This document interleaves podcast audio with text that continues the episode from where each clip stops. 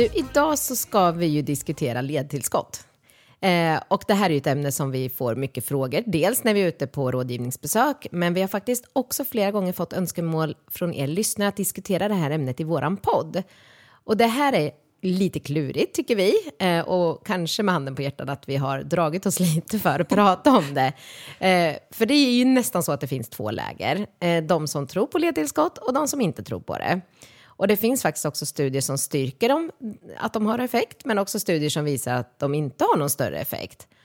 Och vad ska man då välja för ledtillskott och vad ska man tänka på i sitt val av ledtillskott till sin häst? Och det här är ju någonting som vi ska försöka reda ut idag i dagens avsnitt. Men jag tänker så här, om vi börjar med att nämna vilka ledtillskott är det vi kanske kommer ta upp under det här avsnittet? För det finns ju fler, men vi har begränsat oss lite. Ja, alltså det finns ju en uppsjö av olika ledtillskott till våra hästar på marknaden. Och vi kommer inte att hänga ut specifika tillskott, utan vi kommer gräva djupare i deras ingredienser. Så att vi kommer fokusera på råvarorna i dem. Och självklart så kommer vi heller inte hinna gå in på alla. Men vi har valt ut några av de vanligaste ingredienserna i ledtillskott och det är nypon, glukosamin, kondroitin, hyaluronsyra och eh, grönläppad mussla. Och de här kommer vi fokusera på idag. Men om vi då ska kunna förstå vad de har för nytta i leden så kanske det också är viktigt att veta hur leden är uppbyggd. Så vi kanske ska börja där tänker jag. Mm. Och det finns ju flera olika typer av leder. Och det är ju till exempel kulled, gångled och det finns också leder med flera olika ben. Um, men ledens huvudfunktioner är ju att göra kroppen rörlig och dämpa trycket som uppstår vid just belastning. Och eh, enkelt beskrivet så är ju led där två ben möts och ena benet har ett så kallat ledhuvud och det andra har en ledpanna. Och det här är ju då när det bara två ben som möts och inte flera ben. Eh, och mellan de här eh, så sitter det ledbrosk. Och ledbrosket skyddar benen från slitage men fungerar också stötdämpande. Och ledbrosket består ju av celler som kallas för kondrocyter eh, och extracellulärt matrix eller matrix. Vad har de här för uppgifter och funktion i kroppen egentligen? Mm, kondrocyterna är något som man också kallar för broskceller. Och eh, de producerar eh, delar av just extracellulära matrixet, eller matrixet, eh, som i sin tur mestadels består av eh, kollagen typ 2, eh, proteoglykaner och eh, glykoproteiner och vatten. Eh, Kollagen typ 2 är det viktigaste för broskets eh, draghållfasthet. Och eh, proteoglykanerna består av en central proteinkärna och en eller flera sidokedjor med någonting som man kallar för GAGs eller glykoam glykoaminer glukaner. Eh, och kondrocyterna tillverkar de här proteoglykanerna genom att de kopplar på GAGsen på ett protein. Och den vanligaste proteoglykanen i just brosk är något som man, en som man kallar för agreka, agrekan.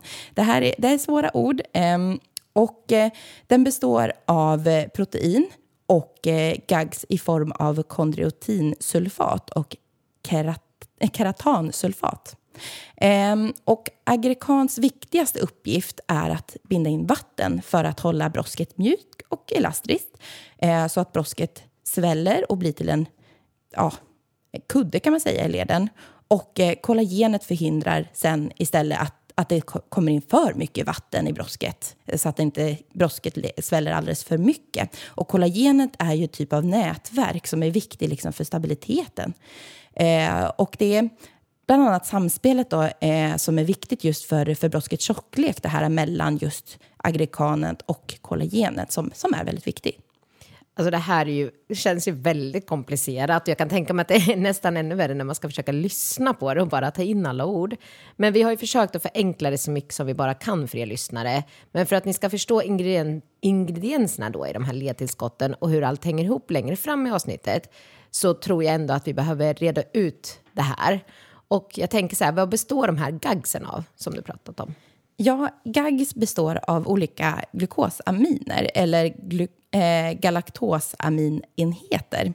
Och en väldigt känd GAG som många av er säkert har hört talas om är ju hyaluronsyra.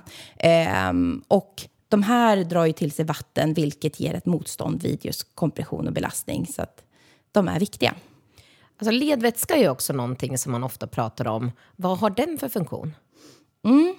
Ledbrosket i sig har ju ingen blodtillförsel utan de får sin näring via ledvätskan. Eh, och den finns i ledhålan mellan ledbrosken. Och ledvätskan ska inte bara tillföra näring till brosket utan fungerar också den stötdämpande och smörjande. Och ledvätskan är det många som beskriver som att den, den liknar liksom äggvita. Och eh, den ska vara trögflytande och får ledvätskan av någon anledning nedsatt kvalitet så kan ledens funktioner påverka negativt för att det blir mer friktion som uppstår då. Men vad består ledvätskan av då?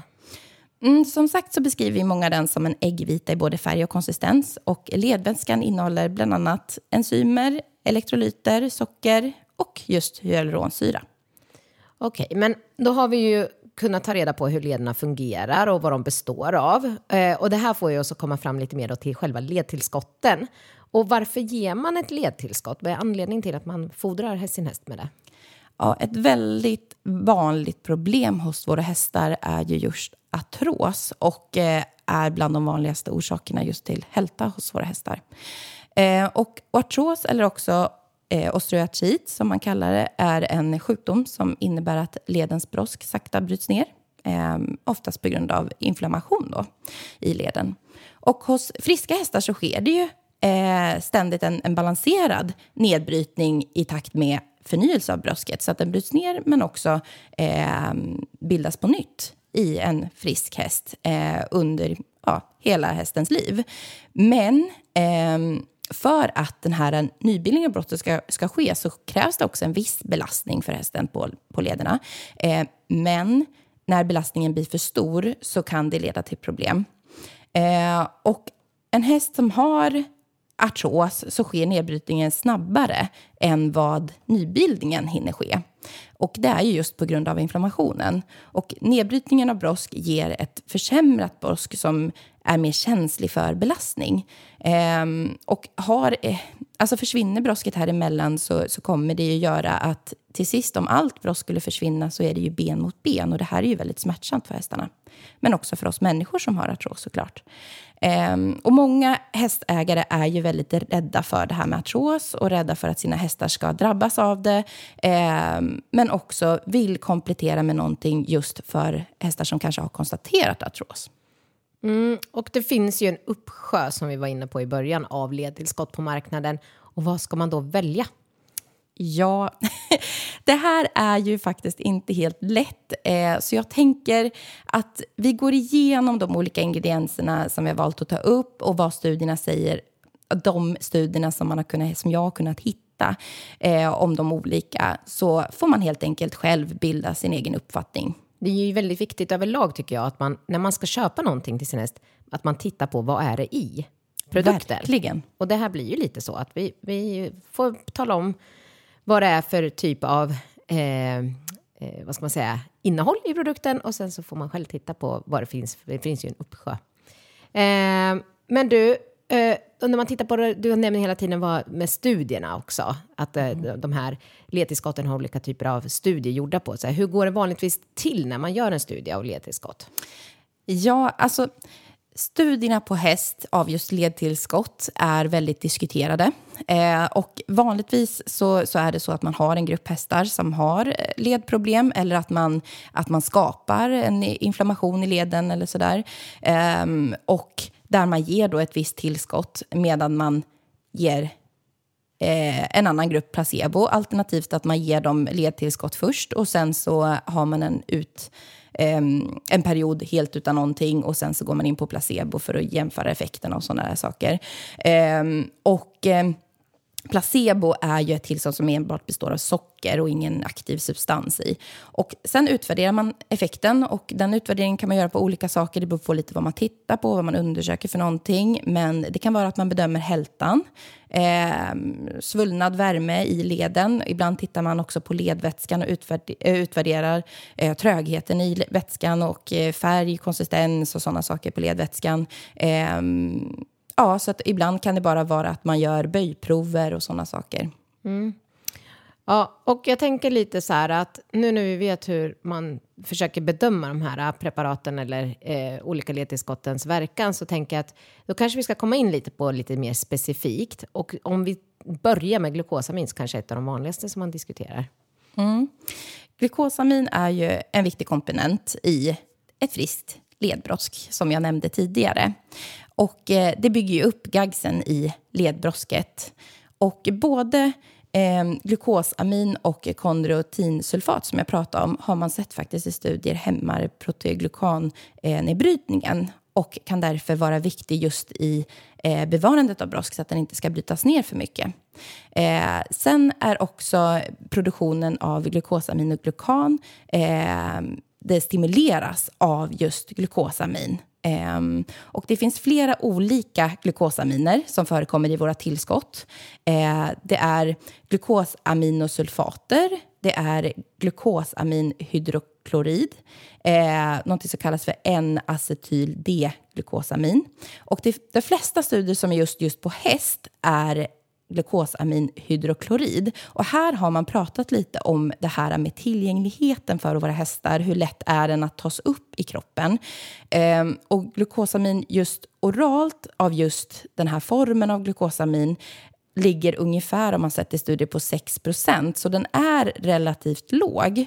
Och eh, de studier som, som visar på bra resultat av just glukosamin som fodertillskott till våra hästar, eh, det finns ju flera studier där, men de är ganska diskuterade och, eh, och ifrågasatta just på grund av att de kanske har en bristande försöksdesign, alltså hur, de, hur studierna själva är utformade, att det är ett litet urval av hästar man har använt sig av, alltså två fåtal antal hästar i studierna och eh, alldeles för kort uppföljning efteråt. Eh, och det här, det här är ju ett vanligt problem, skulle jag säga, bland studierna på just häst, att det är svårt att få tag på tillräckligt mycket hästar som ingår i de här studierna, så det, det, gör det svårt för våra forskare också. Eh, så att, eh, det är ett vanligt problem på, på just studier till häst, skulle jag säga, bland det man läser. Mm. Och du nämner ju att det finns flera olika typer av glukosamintillskott på marknaden. Vad ska man tänka på här? Mm, väljer man att, att utfodra med glukosamin till sin häst så är det också viktigt att man tittar på produkten och hur mycket den faktiskt innehåller och vilken typ den innehåller. Eh, för det man har kunnat se en positiv effekt av glukosamin eh, är om en normalstor häst, 500 kilo ungefär, får i sig cirka 10 gram glukosamin per dag. Eh, och Många eh, glukosaminer som finns på marknaden kanske inte har tillräcklig mängd om man tittar på eh, utfodringsrekommendationen på dem. Hur mycket glukosamin får faktiskt hästen i sig på den, eh, på den mängden utfodringsrekommendationen säger. Eh, så det är viktigt att titta på tillskottet. Vad innehåller den för att den ska kunna ge någon effekt och kunna ge någon effekt överhuvudtaget. Sen upplever jag många gånger när vi är ute på rådgivningsbesök att man kanske ger ett tillskott men man följer inte utfodringsrekommendationerna. Och då kommer man ju heller inte få effekten som, eh, som man kan få av ett tillskott. Mm. Så det är viktigt att tänka på också. Mm, verkligen. Men du, eh, om vi går vidare då. Eh, Konrutin, hur fungerar det? Ja, som jag tidigare nämnde så består hyaluronsyra av just kondriotinsulfat. Ehm, och det var därför vi nämnde mycket sådana här konstiga namn i början. Ehm, det är just för att, för att gå in på det lite djupare nu längre fram. Då. Och det finns studier som tyder på att just kondriotinsulfat i kombination med glukosamin ger en väldigt bra effekt. Eh, och den ger framförallt då effekt på hyaluronproduktionen. Och eh, hyaluronet är ju viktigt för ledvätskans eh, vätskebindande egenskaper och eh, gör ledvätskan trögflytande. Eh, så därför är den ju väldigt viktigt för, för eh, egenskaperna som, och funktionen som just ledvätskan har. Och, ehm, ehm, och som jag nämnde tidigare så, så glukosamin i kombination med just kondroitinsulfat kan ju påverka då proteoglykannedbrytningen och därför är viktig för det här att, att hämma nedbrytningen av brosket eh, som sker just när man har artros eller sådana problem. Och, eh, och produktionen av glukosamin-glukan stimuleras också i just den här kombinationen mellan glukosamin och kondroitin har man sett. Eh, men här diskuterar man ju också det här med upptagligheten av kondroitinsulfat. Ehm, för det är alltid så när man ger någonting oralt ehm, till en häst att man diskuterar hur, hur tas det upp i kroppen och kommer den ge effekt eller inte. Och eh, här har man tittat lite och, och, det skiljer sig lite beroende på hur molekylen ser ut. Man pratar lite om molekylvikten, om den har en låg molekylvikt eller om en hög molekylvikt. Eh, men det man har sett är att om man ger hästar en engångsdos på 3 gram eh, av just kondroitinsulfat så har det med eh, då har man sett att eh, biotillgängligheten, alltså upptaget, ligger på 22 procent för en, eh, en förening med högre molekylvikt och 32 procent för en förening med lägre molekylvikt. Ehm, eh, och Någonting också att tillägga är ju att kondroitinsulfat är ofta lite en dyrare råvara just för att det är, det är svårt att framställa och sådär. Vissa, eh, vissa ut, eh, utvinner det ur till exempel hajbrosk och sådana saker. Så det, det, är inte helt lätt att, att utvinna och det, det gör det mer kostsamt. Mm. När det är svårare att få tag i det så blir det ofta dyrare. Ja.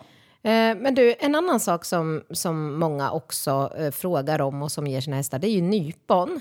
Eh, och det är ett vanligt ledtillskott skulle jag säga. Och eh, utifrån din beskrivning av leden innan kan man ju inte se en helt självklar koppling till varför nypon i leden skulle vara, eh, ha någon, göra någon effekt eller någon skillnad. Så.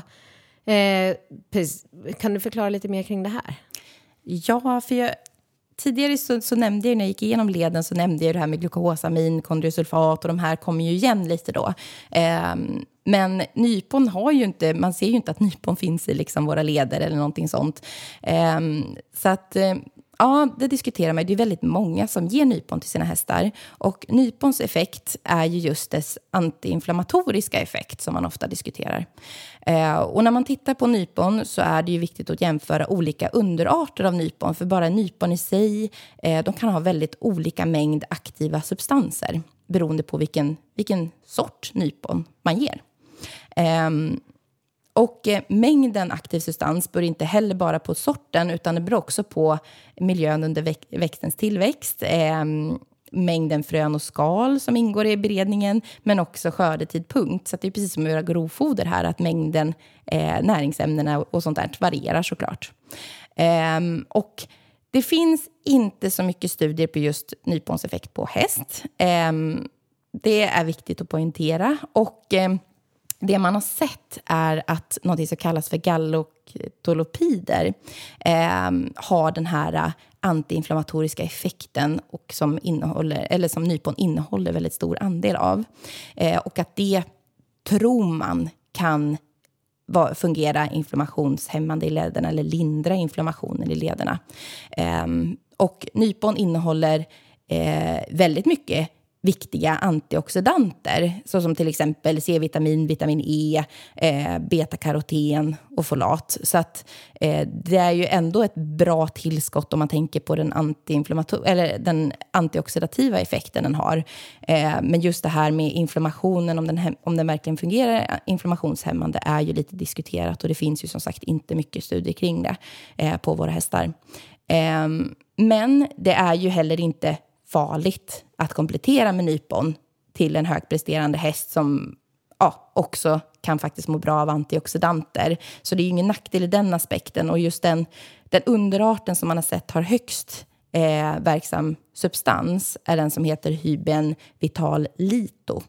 Eh, så den anses enligt forskare då vara den bäst, ha den bästa effekten. Eh.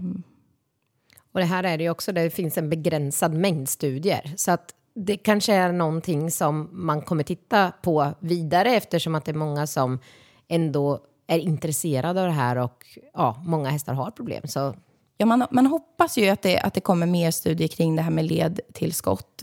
Um, så att, ja, er forskare där ute, det här kan vara ett område att titta på. Mm, många hästägare är väldigt intresserade av det.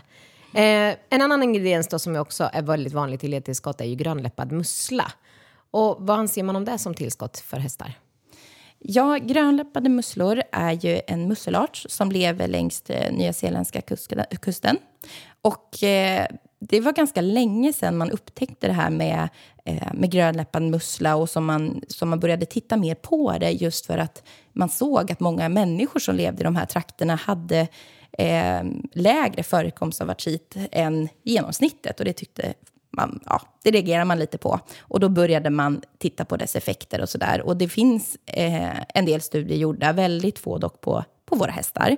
Eh, men man har tittat en del på människor och olika typer av djur. Eh, och det är ju inte enbart lederna eller dess effekt mot artros man har tittat på, utan det är många andra saker också i de här studierna självklart. Eh, men som sagt, återigen, det finns få studier på just häst. Ehm, men det man har sett är en bra effekt hos hästar av just extrakten från den ny, nyzeeländska muskeln. Och det är den som heter på latin eh, perna canal, eh, det här är inte lätt alltså att uttala, perna canaliculus. Eh, och det är ju just den här musslan som det är viktigt att man, att man tittar på att tillskottet innehåller. För det är just den som är den som har en eh, aktiv substans. Eh, och den här grönläppade musslan då har ett högt innehåll av olika typer av gags. Eh, och ehm, man tror att det är en väldigt bra råvara för just framställning av bioaktiva glukosaminoglykankedjor. Eh, som ju är väldigt viktig för ledbrosket, vilket vi har pratat om tidigare, just de här med gagsen. Eh, och en annan sak att titta på också är ju att att det är viktigt att, för de här är ganska känsliga, till exempel för uppvärmning och sådär, så att produktionen av, av tillskottet är också väldigt viktigt att titta på här, så att det inte hettas upp i allt för höga temperaturer och så, för då kan just den aktiva substansen faktiskt eh, vara känslig och förstöras. Men du, du har varit inne lite grann på det, men vad finns det för studier utfört på häst på just grönläppad mussla? Ja, ehm, de, de studierna jag har läst så finns det två olika studier på just häst. Ehm, det finns säkert fler, och, eh, men det är just de här jag, jag har kikat mer på. Eh, och det är lite svårt det här med jämföra studier och det gäller ju egentligen alla råvaror och tillskott. Eh, att det är ju inte enbart eh, en ingrediens oftast man tittar på, utan då är det ju i, i foder som kanske innehåller fler råvaror och sådär. Eh, och det finns en studie som man utförde 2009 där man eh, tittade på, där, där hade man tio stycken hästar i sitt urval och, eh, som ingick i studien. Eh, och då gav man dem ett tillskott eh, som var inte bara grönläppad mussla, utan det var flera olika substanser i det, men grönläppad mussla var, var en del av det. Eh, och då gav man de här hästarna 15 milligram per kilo kroppsvikt och dag, eh, ett tillskott i 29 dagar. Eh, och hästarna var, var helt friska från början, eh, men man initierade de här med inflammationsstimulerande preparat så att det, man skulle starta en inflammation i hästarnas leder. Eh, och hästarna som inte tilldelades tillskottet eh, hade då en högre nivå av prostaglandin, eh, E2, i ledvätskan som visar då på att det, de har en aktiv inflammation här i lederna eh, och högre mängd sulfaterade glukosaminoglykaner jämfört med hästarna som, som fick tillskottet. Så här kunde man ju se tydligt att de som fick tillskottet hade en bättre effekt än de som inte fick tillskottet. Och eh, i en annan studie som man utförde några år senare, 2012, så tittade man på effekten av tillskottet av just grönläppad mussla. Då använde man ren grönläppad mussla.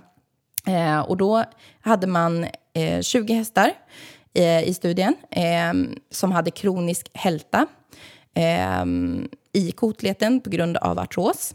Eh, förlåt, nu sa jag fel. Det var 20 hästar som just tilldelades eh, det här tillskottet grönläppad mussla.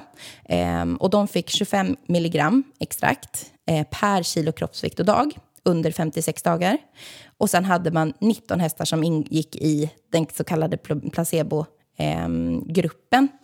Ehm, eh, och när man jämförde det här så kunde man se utifrån eh, den här studien då att hästarna som tilldelades tillskottet minskade signifikant i hältan och eh, de hade mindre ont i lederna och eh, hade också en bättre respons just när man gjorde böjproven. Eh, så det var ju via veterinärbesiktning då som man, som man såg att, att det vart bättre resultat med de som hade fått grönläppad mussla jämfört med de hästarna som inte hade fått det. Och det känns ju ändå positivt att, att man ser en ganska tydlig och signifikant effekt av det. i Ja. de studier du har läst. Ja, och det finns ju en, den här substansen från den här grönläppade musseln som har bäst effekt är ju någonting som man kallar för biolane. Eh, så det kan ju vara bra att kika lite på att det står biolane eller så. Eh, vi har ju våran, våran, våra tillskott Mo- Movikur innehåller ju bland annat extrakt från grönläppad mussla då. Biolane. Biolane, ja. Ja. Men du, alltså jättekrångligt avsnitt känner jag själv. Att det är. Det är krångligt och det är inte helt lätt, det tycker ju till och med vi. Och det var därför vi kände att det här, det här är ett svårt ämne och det finns ju inte mycket studier och de studier som finns är ju diskuterade, är de här verkligen tillräckligt bra utförda och sånt där. Um, så att jag tänker att man får helt enkelt bilda sin egen uppfattning. Vi har ju heller inte gått in på alla råvaror, det finns ju mycket mer råvaror. Det finns ju de som ger kollagen och sådana saker för, för lederna. Um, ehm, och det har vi ju inte grottat med oss idag, så det kan ju bli så att vi behöver att gå djupare i ett till avsnitt om det här. Ehm, men generellt sett så diskuterar man ju väldigt mycket det här med upptagligheten på häst. Hur är upptagligheten av de här aktiva substanserna om man ger det via ett foder? Ehm, Ger man det oralt, vad har det för effekt ut i leden? Det är väl lite där. Ja, det är sammanfattningsvis eh, ett väldigt bra sätt att säga det på. Mm. Det diskuterar man ju mycket. Men du, vi får väl ändå tacka så hemskt mycket för idag. Eh, Ja, och vi hoppas att vi har rätt ut lite frågetecken kring det här med ledtillskott i alla fall. absolut. Ja, ha det så bra. Ha det bra. Hej då.